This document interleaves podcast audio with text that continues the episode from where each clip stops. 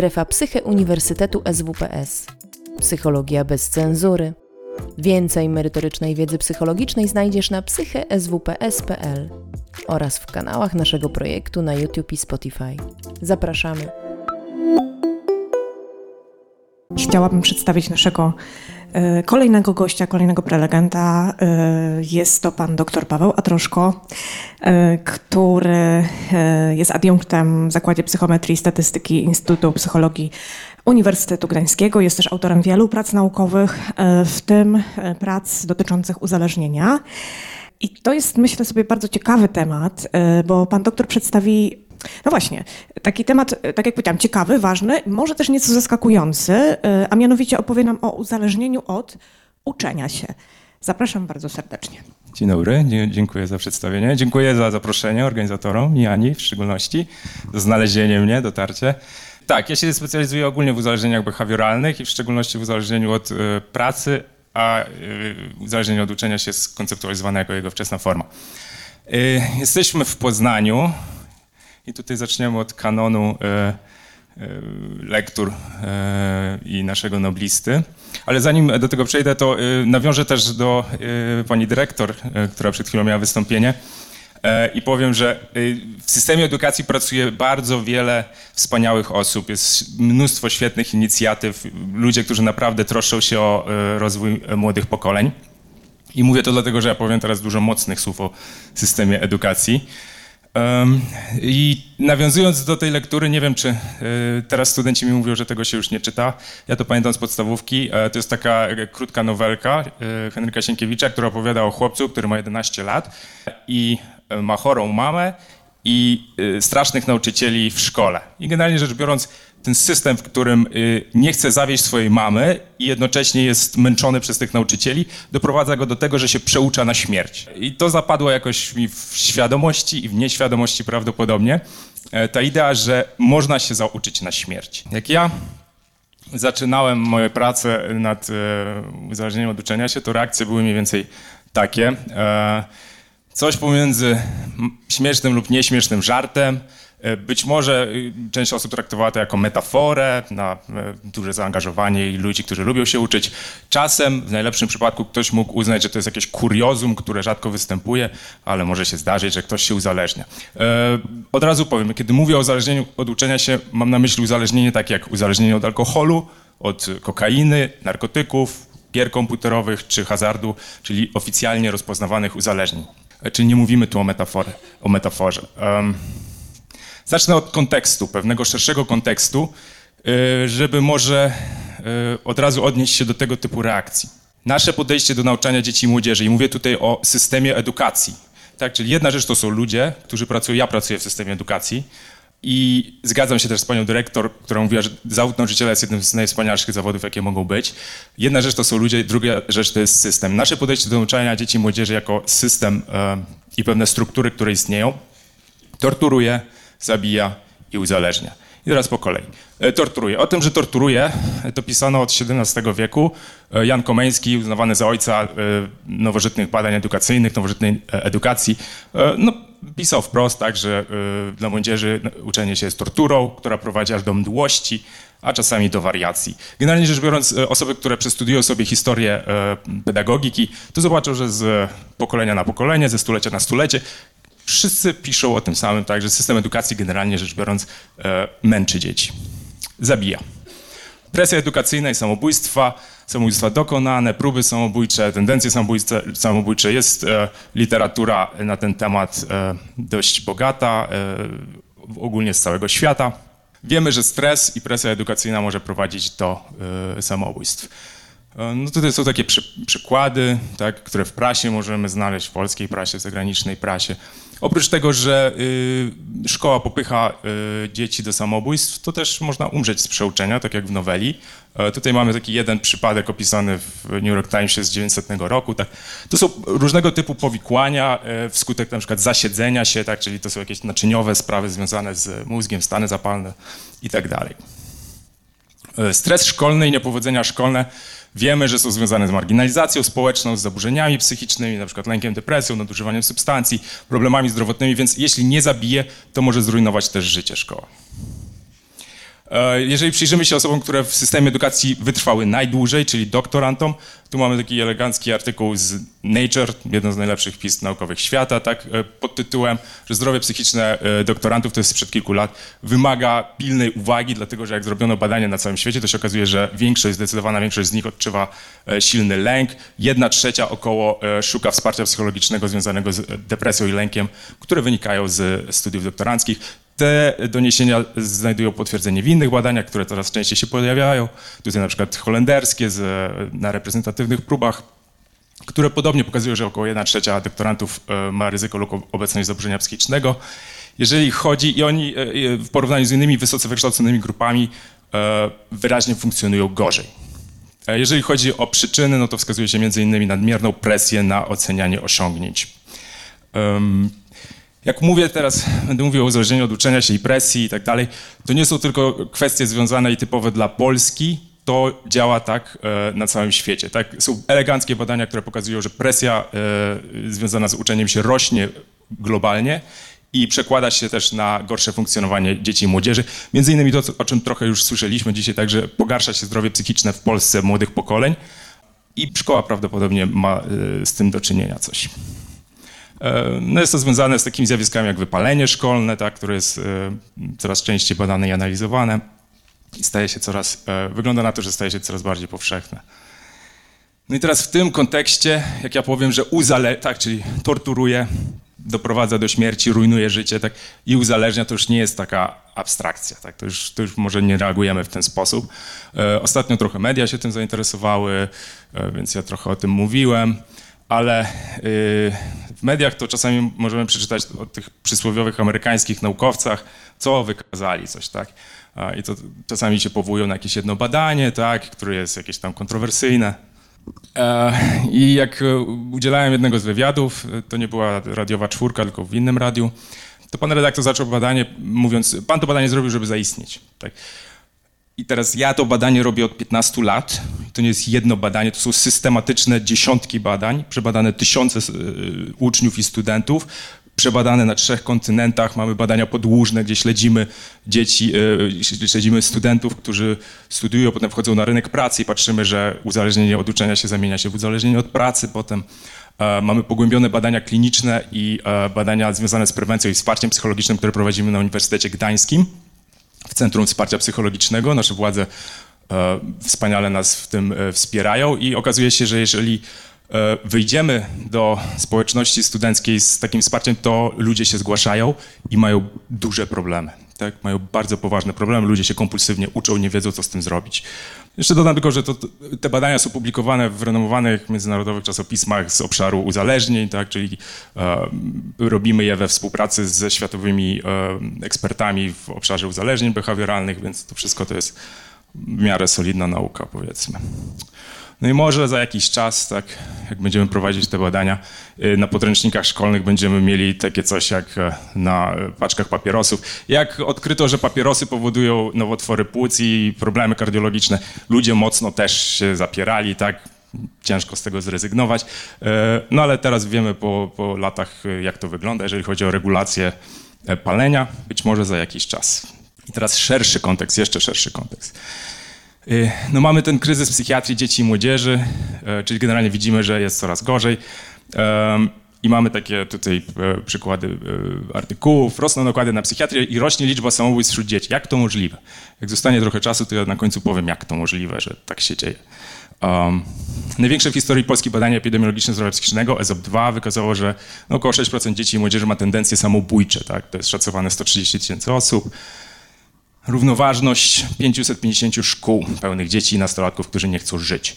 Um, ostatnio wyszedł ten raport e, Fundacji Martyny Wojciechowskiej, tak? I tutaj widzimy, że około 30% nie ma chęci życia. Tu są liczby znacznie wyższe, tak? Jakie są różnice? Tam mieliśmy kliniczne wywiady, czyli te 6% to jest absolutne minimum, tak? To wiemy, że na pewno tyle dzieci jest. Tutaj mamy trochę szersze badania, troszkę inną metodologię i w innym momencie, tak? Bo tamte badania były robione lata temu, a jak widzieliśmy na wcześniejszych wystąpieniach, jeżeli chodzi o wzrost samobójstw, między innymi ze statystyk policji, e, to w ostatnich dwóch latach widzimy dramatyczny wzrost. E, więc coś się dzieje. Myśmy zorganizowali, jestem opiekunem koła badań psychologicznych Experior I myśmy we współpracy z Niezależnym Zrzeszeniem Studentów i Krajową Reprezentacją Doktorantów e, zrobili dwa lata temu taką konferencję, gdzie sprosiliśmy, e, udało się, no, uznane autorytety w Polsce, jeżeli chodzi o psychiatrię, psychologię, edukację i epidemiologię.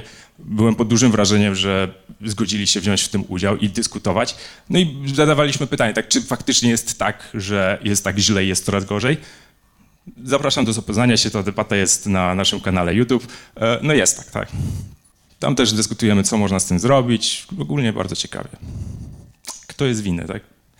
Jakby widzimy w tym szerszym kontekście, że dzieci coraz gorzej funkcjonują i pytanie, kto jest winny. Ja się zajmuję uzależnieniami. Jak spojrzę na moją działkę, to generalnie co?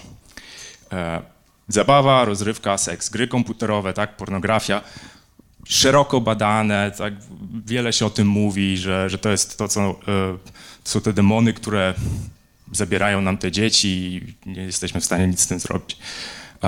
Gry komputerowe są, zostały rozpoznane przez Światową Organizację Zdrowia jako uzależnienie w ostatnich latach.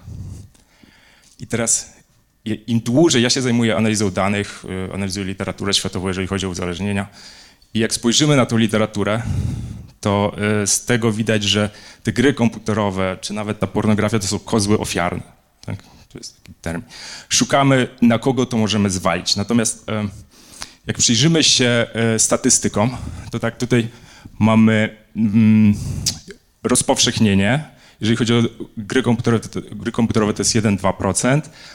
Jeżeli chodzi o uzależnienie od uczenia się w dotychczasowych badaniach, które mamy, to jest od 8 do 16%. W nawiasie z kolei e, mamy wyniki naszego badania, które zrobiliśmy wśród 1500 e, ponad licealistów w Trójmieście. E, I tam sprawdzaliśmy, jak to jest rozpowszechnione. Jeżeli chodzi o gry komputerowe, to będzie znowu około 2%, czyli spójne z tą literaturą, którą mamy. A jeżeli chodzi o uzależnienie od uczenia się, to 15%. Tak? I znowu to jest spójne z tym, co mamy. Jeżeli chodzi, czyli widzimy, że e, po pierwsze uzależnienie od uczenia się, jeżeli użyjemy tej samej metodologii, tak, czyli zadajemy podobne pytania o objawy uzależnieniowe, e, czyli używamy analogicznych metod, to będziemy mieli dużo, dużo więcej e, licealistów, którzy są uzależnieni od uczenia się. Druga rzecz, patrzymy na związek ze stresem, chronicznym, długotrwałym stresem. Jeżeli patrzymy na uzależnienie od gier komputerowych, jest zerowa korelacja. E, jak patrzymy na uzależnienie od uczenia się, to widzimy, że jest około trzy razy wyższe ryzyko silnego, długotrwałego stresu. I podobnie tutaj można zobaczyć, że e, jest zerowa korelacja, jeżeli chodzi o e, także lęk, tak, czy smutek w przypadku uzależnienia od gier komputerowych, natomiast w przypadku uzależnienia od uczenia się jest wyraźny związek. No i teraz z czego to wynika? Tak? Dlaczego jest tak, że, y, że gry komputerowe, o których tyle mówimy, y, nie są aż tak zatrważające jak uczenie się? Po pierwsze, gry komputerowe to y, dzieci wybierają, że mogą sobie grać, jeżeli to im sprawia frajdę i przede wszystkim to jest frajda. Coraz więcej badań pokazuje, że granie w gry komputerowe ma pewne pozytywne skutki, na przykład dla rozwoju poznawczego i tak dalej. I ogólnie mało dzieci się od tego uzależnia. Natomiast jeżeli, żeby zrozumieć, jak działa uzależnienie od uczenia się, to tutaj jest taki przykład y, wojny w Wietnamie. E, to jest świetny, naturalny eksperyment, który pokazuje, jak działają uzależnienia. E, jak była wojna w Wietnamie, to brano y, nastolatków, w średnim wieku żołnierzy amerykańskich to było 19 lat, brano ich, przenoszono na drugi koniec świata do dżungli, gdzie wszyscy chcieli ich zamordować. Tak? Czyli ekstremalnie stresujące warunki. Mieli też tam dobry dostęp do heroiny, w związku z czym e, ponad 1 trzecia, około 1 trzecia używała tej heroiny, około 20% e, miało objawy uzależnienia od niej. Czyli jeżeli weźmiemy ludzi i włożymy ich w e, sytuację, która jest ekstremalnie stresująca, to zaczną uciekać od tej sytuacji, uzależniać się. No i teraz, jak spojrzymy sobie, co ciekawe, też po powrocie do, do kraju, większość osób, która była uzależniona, automatycznie przestała być. Tak? To też pokazuje, jak działają e, tego typu problemy, że zmieniamy środowisko i zmienia się e, rozpowszechnienie problemu. No i teraz tak, e, dodam, gry komputerowe y, są uzależniające, są osoby, które mają z tym problemy, y, bardzo poważne problemy. Y, są dane z różnych krajów, które pokazują, że jest związane z samobójstwami, ale to są rzadkie sytuacje. E, te osoby, które są uzależnione od gier komputerowych, mają dużo innych problemów też w funkcjonowaniu. E, są e, ogólnie rozregulowane na wielu poziomach. Jeżeli spojrzymy na uczenie się, e, to my bierzemy całą populację dzieci i wpychamy w tę maszynkę, którą nazywamy systemem edukacji. Tak? Czyli one nie mają wyboru. Po pierwsze, to nie jest, to jest narkotyk, który nawet, nie muszą go szukać gdzieś po ulicach, zakamarkach. To jest narkotyk, który jest obowiązkowy. W Polsce przynajmniej, tak? Mamy obowiązek szkolny do 18 roku, roku życia. No i wpychamy te dzieci w ten system. No i ponieważ on jest ekstremalnie stresujący, to e, widzimy szerokie rozpowszechnienie i szerokie e, konsekwencje tego. I teraz tak, e, czym jest uzależnienie? Kiedy myślimy o uzależnieniu i zwłaszcza dla osób, które mają trudność z, z akceptacją uzależnienia od uczenia się, to jest takie wyobrażenie, że e, osoby uzależnione to osoby, które szukają orgiastycznych wrażeń, przyjemności tak, e, i gdzieś w tym się zagubiają. Natomiast jeżeli spojrzymy na epidemiologię uzależnień, to uzależnienia są najbardziej powszechne w populacjach osób, w populacjach, które są żyją w bardzo trudnych warunkach. Tak? Czyli generalnie, tak jak ci żołnierze w, w trakcie wojny w Wietnamie, e, czy różnego typu e, mniejszości, które e, mają bardzo trudne sytuacje życiowe. W tych przypadkach to jest ucieczka przed bólem. Tak? Czyli kiedy mówimy o uzależnieniu, dwie ważne, dwa ważne mechanizmy regulacyjne to jest ból i przyjemność. One też mają swoje znaczenie w rozwoju uzależnień. Na początku jest więcej przyjemności, tak? Natomiast potem e, ta przyjemność zanika i zamienia się w ból. E, czy, przy, czy nauka może sprawiać przyjemność? No może sprawiać przyjemność i e, jak ktoś pracuje z dziećmi, to wie, że dzieci uwielbiają się uczyć do pewnego momentu, jak pójdą do szkoły najczęściej. Poznawanie jest dla nich naturalną nagrodą, tak, sprawia im frajdę. Tutaj mam Archimedesa, który tak wybiegł z wanny, co pokazuje, że to może być ekstatyczne doznanie ma też swoje konsekwencje. Tu mam Archimedesa, który został zabity przez żołnierza rzymskiego, bo był zbyt zaabsorbowany swoją nauką. Jeżeli chodzi o tą ideę tak, poznania, jak ono funkcjonuje, to ono jest bardzo obecne w naszym kręgu kulturowym. Tak, mamy historię z drzewem poznania dobra i zła. Mamy takie historie jak e, dr Faust, który sprzedał swoją duszę za poznanie. E, w Polsce mamy pana Twardowskiego. Tak, czyli generalnie ta idea, że poznanie jest silnym motywatorem, to nie jest jakaś bardzo abstrakcyjna idea. Tak? I mamy współczesne takie nurty scjentystyczne trochę, e, czyli ludzi, którzy czerpią bardzo dużo przyjemności z tego poznania naukowego. E, czyli nauka może, znaczy wiemy, że nauka generalnie rzecz biorąc może sprawiać przyjemność. To, że teraz wiele osób jest bardzo zdziwione i ja często spotykam się z takimi komentarzami, że o, chciałbym być uzależniony od uczenia, chciałbym, żeby... To i, i, ludzie są zaskoczeni, że komuś to może sprawiać taką przyjemność, tak to tylko pokazuje, jak skuteczny jest system edukacji w zabijaniu tej przyjemności bardzo wcześnie e, w naszym życiu. Nie? E, natomiast e, jeżeli mówimy o uzależnieniu od uczenia się, to głównym, głównymi takimi mechanizmami regulacyjnymi jednak nie będzie ta przyjemność pełni rolę i z badań wynika, że te osoby lubią się uczyć, ale prawdopodobnie silniejsze znaczenie ma e, ucieczka od bólu i unikanie kar. Tak? Czyli system wzmocnień, w którym e, żyją młodzi ludzie w systemie edukacji. No i co to za wzmocnienia? Mamy wzmocnienia pozytywne i negatywne, formalne i nieformalne na różnych etapach edukacji. Jeżeli chodzi o te pozytywne, tak, czyli osiągnięcia, nagrody, aprobata i uwaga rodziców, nauczycieli, aprobata rówieśników, szacunek, nabywanie wiedzy, umiejętności, poczucie samoskuteczności, e, samoocena, szkolna, akademicka, perspektywa na przyszłość, typy. Jest dużo rzeczy, które wzmacnia to, że chcemy się uczyć, tak? Czyli jest dużo wzmocnień pozytywnych i jest dużo wzmocnień negatywnych, tak? Czyli porażki szkolne, krytyka e, rodziców, krytyka nauczycieli, upokarzanie i znęcanie się przez nauczycieli, znęcanie się przez rówieśników, odrzucenie społeczne, poczucie braku kompetencji, poczucie niskiej samoskuteczności, niska samoocena szkolna, poczucie braku perspektyw na przyszłość, brak stypendiów, czyli środków finansowych i tak dalej. No i teraz, jeżeli coś mamy robić, e, no to trzeba byłoby pewnie pracować z tym systemem wzmocnień, który istnieje. Tak?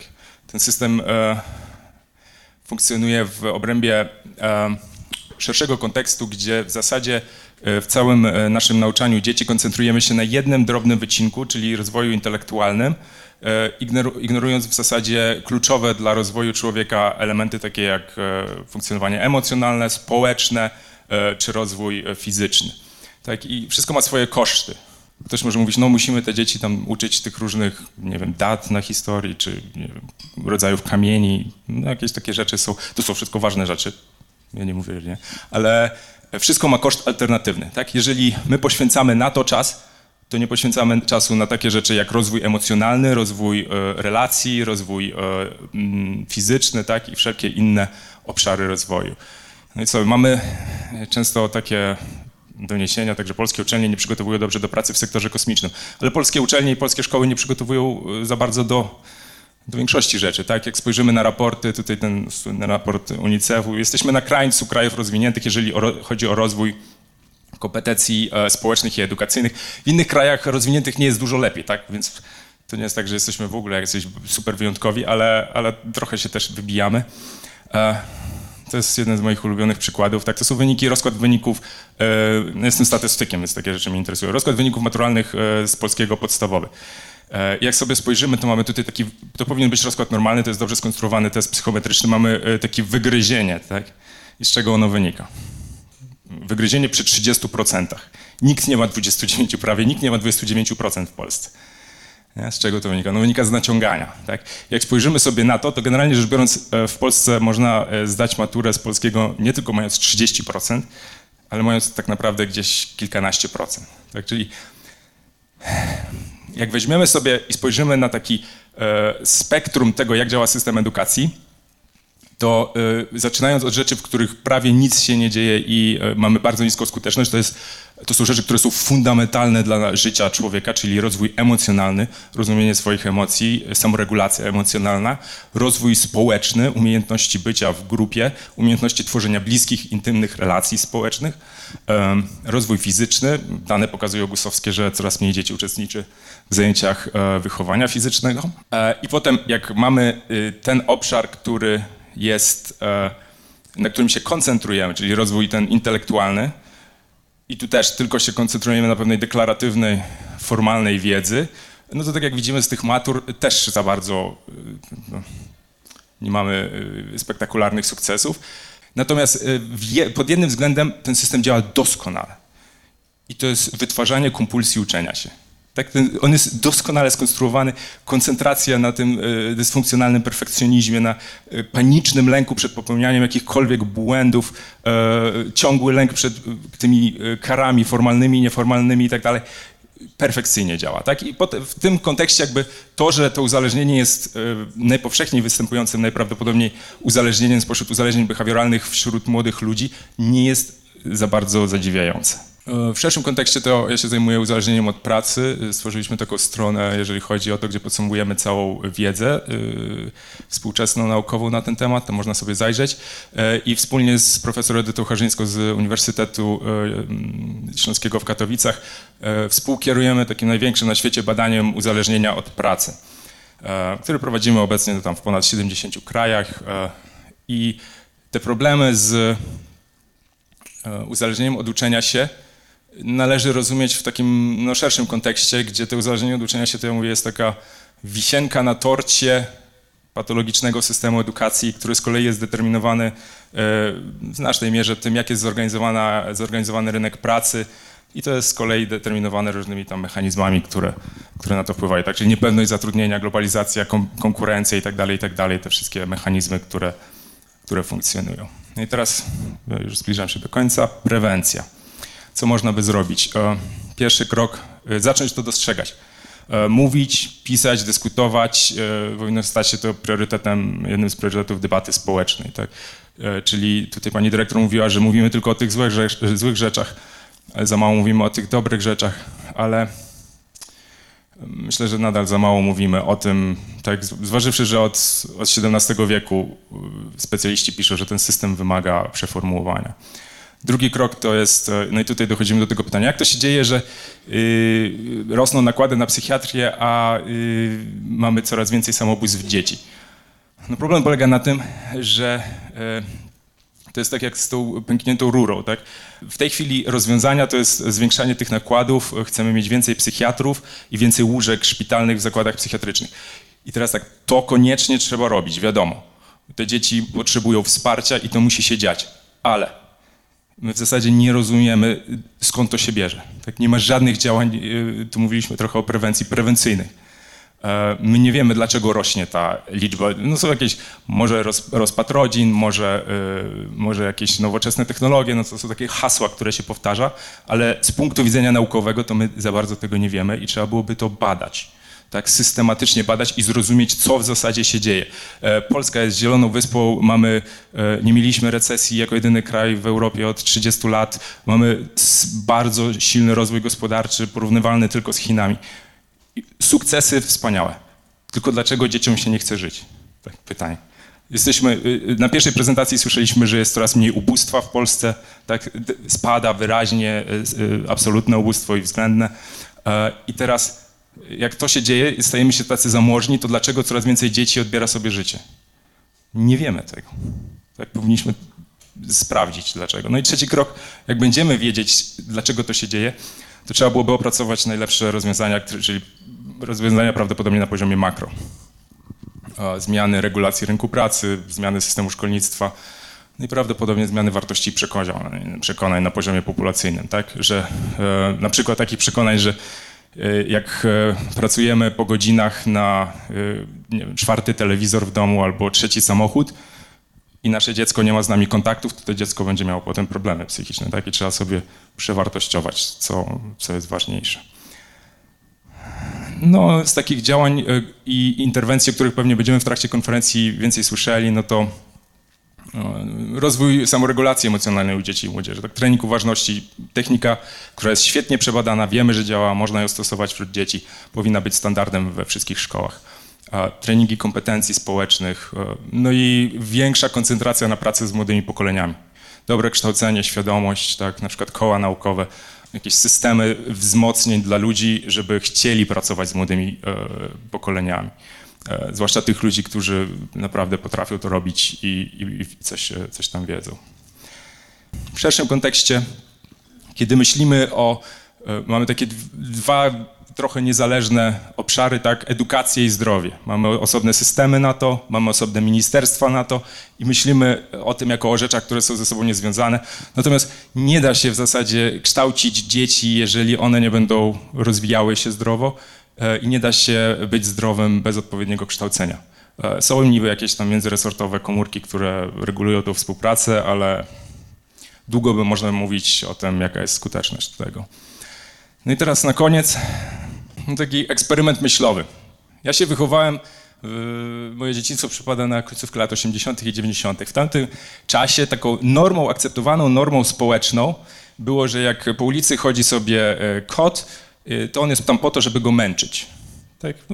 Normalne było, że e, akceptowaną rozrywką dla dzieci jest męczyć kota, e, dla dzieci i młodzieży. W dobrym tonie dla dorosłego było kopnąć kota na ulicy. Tak?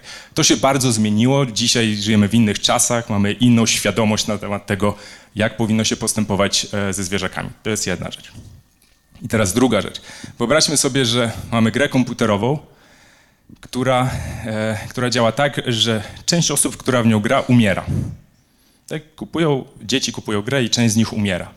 E, wyobraźmy sobie park rozrywki, w którym idziemy i część osób w nim umiera. E, co by się zadziało? Gra byłaby automatycznie zdjęta z rynku, tak? wyciągnięte byłyby konsekwencje, park rozrywki zostałby zamknięty, wyciągnięte byłyby konsekwencje. I teraz ktoś może powiedzieć, e, no dobrze, e, znaczy tak, e, no i teraz mamy szkołę. I e, my wiemy, statystycznie rzecz ujmując, że jak wysyłamy dziecko do szkoły, to część z tych dzieci tego nie przeżyje. Tak, my wiemy, że te dzieci popełnią samobójstwa. E, kolejna część dzieci będzie miała zrujnowane życie, będą zmarginalizowane społecznie na całe życie. Jeszcze kolejna część osób będzie straumatyzowana w, w mniejszym lub większym stopniu. No i potem zostanie ta grupa, która się zaadoptowała do tego systemu wzmocnień. Co robi ta grupa? To można sobie zacząć się zastanawiać, tak? Kim są ludzie, którzy zdrowo zaadaptowali się do tego systemu. No i teraz jak to się dzieje, że, że my to akceptujemy? Nie? Ktoś powie, no przyjemność, tutaj mamy do czynienia z przyjemnością, tak? Więc jak, jak rozrywka jest śmiercionnością, no to rozrywka nie jest konieczna do życia, więc możemy ją tam wyeliminować, ale e, radość jest konieczna do życia niestety. E, anhedonia, czyli niezdolność do czerpania przyjemności jest objawem depresji, jest też objawem wielu innych zaburzeń. jest czynnikiem ryzyka, tak? czyli brak radości w życiu prowadzi ludzi do odbierania sobie tego życia. I teraz w tym kontekście, już na samo zakończenie, no zastanówmy się, tak? Jak to jest, że my to tolerujemy? Ja sobie wyobrażam, że za 20-30 lat, może jak spojrzymy sobie na przeszłość i będziemy myśleli, że była taka instytucja, do której wysyłaliśmy dzieci te dzieci nie przeżywały tego i myśmy to akceptowali jako społeczeństwo, tak? Że, że będzie to gdzieś w podręcznikach opisywane jako barbarzyństwo lat przeszłych. Nie? Na dzień dzisiejszy to jest standard. Dziękuję.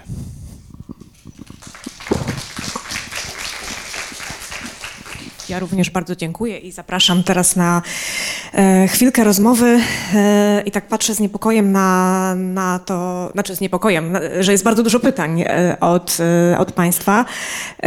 Ja sobie pozwolę mimo wszystko też zadać pytanie od siebie, które też pokrywa się z pytaniami od uczestników, bo Pan doktor powiedział o tym, że jak możemy działać, na co zwrócić uwagę tak właściwie na poziomie takim globalnym. A ja sobie pomyślałam, że pewnie dla nas też bardzo cenną wskazówką może być w ogóle to, jak rozróżnić, jak rozpoznać, że to dziecko, które się dobrze uczy, ma dobre stopnie, że ono już jest e, jakoś w tej grupie ryzyka, bądź może już jest e, uzależnione od uczenia się. Mhm, to jest świetne pytanie i to e, często pada to pytanie na przykład z perspektywy rodzica czy nauczyciela. Kilka rzeczy. Jeżeli chodzi o badania y, uzależnienia od uczenia się, to wiemy, że na przykład to są osoby, które są, no, są sumienne, y, są neurotyczne, czyli mają skłonność tak, do lęku i emocji negatywnych, y, mają wysoki lęk społeczny, czyli na przykład to, to może być też, mhm. jeżeli dziecko siedzi i uczy się cały czas, nie ma przyjaciół, mhm. to już trzeba się zainteresować tym. jeżeli chodzi perfekcjonizm dysfunkcjonalny i to jest związane z, takim, z taką rzeczą, którą nauczyciel może zaobserwować i rodzic na pewno też. E, to jest to, jak dziecko reaguje na porażki szkolne. Tak? Czyli ja tam pokazywałem ten przykład e, chłopca, który, młodego chłopca, który wyskoczył przez balkon, tak? jak dostał ciut gorszą ocenę. E, to, to, to czasami, to, to też e, psychiatrzy coraz częściej rodzice e, mówią o tym, że te ekstremalne reakcje na niepowodzenia są coraz częstsze. Tak to się wiąże z zaburzeniem samoregulacji emocjonalnej. Dzieciaki w tej chwili mają bardzo duże problemy z regulowaniem się emocjonalnym, nie potrafią sobie radzić ze stresem i jak widzimy na przykład, że na taką porażkę e, szkolną e, dziecko reaguje no, ekstremalnie albo bardzo, bardzo silnie, no to trzeba byłoby się tym zainteresować. Mhm. E, a e, jeszcze takie pytanie dotyczące tego, że to znaczy taka, taka jest tutaj uwaga e, ze strony jednej z uczestniczek, pani Diany, że i tutaj bym może poprosiła rzeczywiście o doprecyzowanie, że mówienie, że uczenie się samo w sobie jest uzależnieniem i powoduje problemy psychiczne nie jest precyzyjne. Ja rzeczywiście mm, znaczy nie odebrałam tego w ten sposób, że to jest, że uczenie się to jest uzależnienie się samo w sobie. Jakby pan doktor jeszcze mógł to troszkę doprecyzować, jak to rozumieć. Mhm, bo to jest też te pytanie, jak odróżnić, e, pytanie też jak osoba, czy zadaję sobie pytanie, czy ja jestem uzależniony, czy mhm. jestem zdrowo zaangażowany. E. To się wydaje subtelne, ale e, to, to, nie jest aż tak trudne do rozróżnienia. Jakby można dużo się uczyć, bardzo dużo się uczyć, kochać uczenie się tak i nie być uzależniony. To na pewno. Natomiast Problem pojawia się wtedy, kiedy no po pierwsze to się przekłada na nasze funkcjonowanie i widzimy wyraźne konsekwencje negatywne. I to, no to generalnie mechanizm jest jeden z mechanizmów, y, ale taki główny mechanizm to jest wzrost stresu. Tak? Czyli jeżeli to uczenie się zwiększa nam stres w życiu, tak? nie jest jakąś formą satysfakcji czy pozytywnego takiego, pozytywnej stymulacji, ale stresu, który nas zżera, E, I ten stres może prowadzić do różnych zaburzeń. Tak? Może prowadzić do zaburzeń lękowych, depresyjnych. E, mamy badania, które pokazują, że jest związane z zaburzeniami odżywiania. E, na przykład są takie sytuacje, to też z badań tych, które prowadzimy, takich bardziej pogłębionych z osobami, które szukają wsparcia. Tak? No są takie sytuacje, że na przykład ktoś wstaje rano, idzie do biblioteki od ósmej i siedzi tam na przykład do 20 nie jedząc tak, no to wiadomo, że to się odbije na zdrowiu. I problem polega też na tym, że yy, jeżeli chodzi o szkodliwość tego, to szkodliwość gier komputerowych na przykład, no to wyjdzie, bo ktoś zawali studia i tak dalej i powiedzmy, że w wieku 30 lat odkryje, że no nie ma wykształcenia i zawodu i jest problem. Ale problem z uczeniem się jest taki, że te osoby często rujnują sobie zdrowie już na wejściu w dorosłość. Tak, czyli po egzaminach maturalnych yy, mają już poważne problemy zdrowotne wynikające z długotrwałego stresu. Nie? I, te konsekwencje e, bardzo szybko się potrafią ujawnić. A potem mamy osoby, które wchodzą w życie zawodowe, będąc już wypalonymi. Tak? Właśnie tutaj jest też pytanie o relacje y, przyczynowo-skutkowe. Y, co wiemy właściwie o tych relacjach? Na jakiej podstawie możemy wnioskować, że uzależnienie od uczenia się będzie miało y, takie, a nie inne konsekwencje? Czy to jest raczej jeszcze, mamy takie dane, że tutaj mówimy o pewnej korelacji, czy właściwie możemy już mówić o, o, o takich no, twardych danych? Mhm, to jest dobre pytanie. No, tych badań to jest jeszcze póki co tak niewiele. No, robimy te badania. Najsilniejsze przesłanki na temat zależności przyczynowo-skutkowych to będą z tych e, wywiadów klinicznych, gdzie osoby nam opowiadają o tym, jak wyglądało ich życie i w jaki sposób pojawiały się kolejne e, rzeczy w ich życiu, także pojawiał się stres przed maturą, potem zaczynały się uczyć, potem zaczynały, nie mogły przestać tego, tak, i potem poszły na studia i z czasem zaczęły się pojawiać pewne problemy zdrowotne, które ewidentnie wynikały z, z tego, z długotrwałego stresu. Mamy trochę danych podłużnych, które jeszcze nie są opublikowane, czyli tak jak mówiłem, mamy badania, które teraz już prawie 10 lat prowadzimy w Polsce, w Norwegii, no to z tego będziemy mieli bardziej e, wyraźne przesłanki, e, no ale to jeszcze nie jest opublikowane. Kiedy będzie? No mam nadzieję, że jak, naj, jak najszybciej. To jeszcze na koniec e, tak, takie też pytanie, może pozostańmy w tych korelacjach i związkach. E, czy uzależnienie od uczenia się może mieć związek z coraz większym osamotnieniem dzieci, czy ocena może być taką nadzieją na bycie zauważonym? Czyli to może, czy to też taki funkcjonalny może być tutaj ten aspekt, że to, to mi jest do czegoś potrzebne? Mm, pewnie, ja to zawsze jeszcze oprócz e, tego pamiętnika poznańskiego nauczyciela, to mówię o lalce, która też zrobiła na mnie duże wrażenie, bo to jest taki, e, w lalce ten Wokulski to jest taki archetypiczny pracocholik, no bo to trochę mówimy o takim pracocholizmie, czyli ktoś sobie wyobraża, że na przykład no, E, szuka intymnej relacji z, w tym przypadku z kobietą i sobie wyobraża, że środkiem do tego, żeby znaleźć satysfakcjonującą intymną relację z drugim człowiekiem, to jest teraz zrobić fortunę, tak? I, tam, I to jest mniej więcej to myślenie, tak? Czyli my myślimy w kategoriach, że yy, i to, jest, to, to, wydaje się racjonalne, tak? Że ja będę się dużo uczył, yy, w ten sposób zapewnię sobie przyszłość, yy, może też większy szacunek i miłość ludzi i z czasem te moje problemy się same roz, rozwiążą ale one się nie rozwiązują, bo to są problemy w funkcjonowaniu społecznym, problem samoregulacji emocjonalnej, a one się nie rozwiązują, jeśli się specyficznie nad nimi nie pracuje. -hmm. Tak? Czyli -hmm. oni muszą pracować i nad e, kompetencjami społecznymi, i nad e, funkcjonowaniem emocjonalnym. I to jest trochę, to jest taka pułapka, tak, bo też rodzice myślą w ten sposób często, że no, niech się chociaż uczy, tak, może, mm. może przynajmniej w ten mhm. sposób sobie zapewni jakąś przyszłość, nie, ale, ale no ja to wiążę trochę z tym naszym kryzysem, tak, e, który mamy, że, e, że takie myślenie, że e, w takiej skali makro, bo my trochę myślimy takie, e, przeszliśmy jako kraj duże przemiany społeczno-gospodarcze i to jest takie myślenie, jak się wzbogacimy, to będzie pięknie, tak? a my się bogacimy, a dzieciakom się coraz mniej chce żyć, tak? więc co? To, to, to nie jest tak, że, że to rozwiązuje automatycznie problemy. Ja tu mam jeszcze różne inne pytania, ale niestety y, musimy y, przejść, iść dalej, więc bardzo, bardzo serdecznie dziękuję panu za, y, za to wystąpienie, też za rozmowę.